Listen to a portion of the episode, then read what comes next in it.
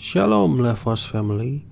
1 Korintus 10 ayat 12 berbunyi demikian. Sebab itu siapa yang menyangka bahwa ia teguh berdiri Hati-hatilah supaya ia jangan jatuh. Nah Bapak Ibu Saudara memang sering kali kita itu merasa puas dengan apa yang sudah kita capai. Termasuk kerohanian kita Termasuk pertumbuhan iman kita saat kita sudah terbiasa membangun kehidupan iman kita, kita terbiasa dalam tanda kutip berhasil membangun iman kita. Kita sering kali lalai dalam mengevaluasi, lalai dalam menjaga api dan semangat pertumbuhan iman tersebut. Sehingga hidup kita tidak lagi berjaga-jaga, tetapi merasa puas, merasa cukup dan uniknya uniknya adalah bahwa dalam penggiringan hidup kita kepada Tuhan gitu ya, dalam menggiring Tuhan, dalam melayani Tuhan, dalam mengikut jejak Tuhan, selalu Tuhan mengatakan bahwa kamu akan selalu haus, tetapi kamu juga akan dipuaskan. Nah, dalam hal ini, kalau kita mengikut Tuhan, rasa haus dan lapar itu tidak boleh hilang memang rasanya akan kita dipuaskan, kita mengalami damai sejahtera, tetapi ingat rasa haus dan lapar itu tidak boleh hilang. Sebab ketika rasa haus dan lapar itu hilang, ah hati-hati tadi kata Korintus. Hati-hati jangan sampai kau menyangka bahwa engkau sedang teguh berdiri. Hati-hati supaya jangan kau jatuh.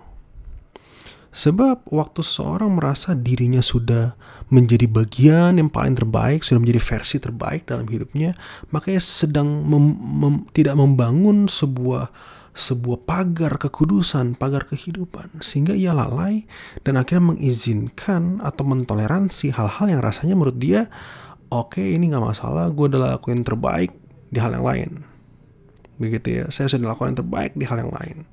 Jadi hati-hati saudara, hati-hati saudara, sebab Tuhan selalu menguji hati. Makin hari makin dewasa Tuhan selalu menguji hati supaya kita semakin dimurnikan. Makanya kalau saudara baca di 1 Korintus 10 ayat 13 selanjutnya adalah bahwa pencobaan-pencobaan yang kamu alami ialah pencobaan biasa yang tidak melebihi kekuatan manusia. Allah itu setia dan tidak akan membiarkan kamu dicobai melampaui kekuatanmu. Pada waktu kamu dicobai, ia akan memberikan kepadamu jalan keluar sehingga kamu dapat menanggungnya. Nah jadi Bapak Ibu Saudara kita harus tetap berjaga-jaga. Dan setiap kali ada pencobaan yang ada, ingat selalu ada jalan keluar. Selalu ada jalan keluar. Maka jangan sampai kita merasa bahwa kejatuhan kita itu pun juga sebagai apa ya, sebagai um, kesalahan atau mungkin kita menyalahkan Tuhan. Kenapa Tuhan membuat aku mengalami pencobaan yang demikian berat? Setiap pencobaan pasti ada jalan keluarnya. Nah untuk itulah jangan sampai kita merasa kita sudah teguh berdiri, itu yang bahaya.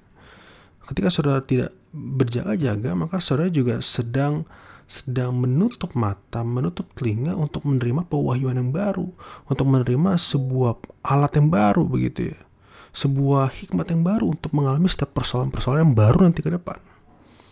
Jadi pastikan tetap berjaga-jaga. Supaya hikmat itu terus datang untuk menghadapi pencobaan-pencobaan yang akan datang, setiap ujian-ujian yang akan datang. Supaya apa? Supaya kita bisa melewati itu semua. Karena itu Bapak Ibu Saudara, mari kita buat alarm dalam kehidupan kita. Tetap renungkan firman-Nya, tetap bangun pujian penyembah, tetap berdoa, berjaga-jaga supaya kita tetap teguh di dalam firman-Nya. Kalau kita sudah memulai dengan benar, maka tetaplah dalam kebenaran sampai kita menyelesaikannya dengan benar. Tuhan Yesus memberkati.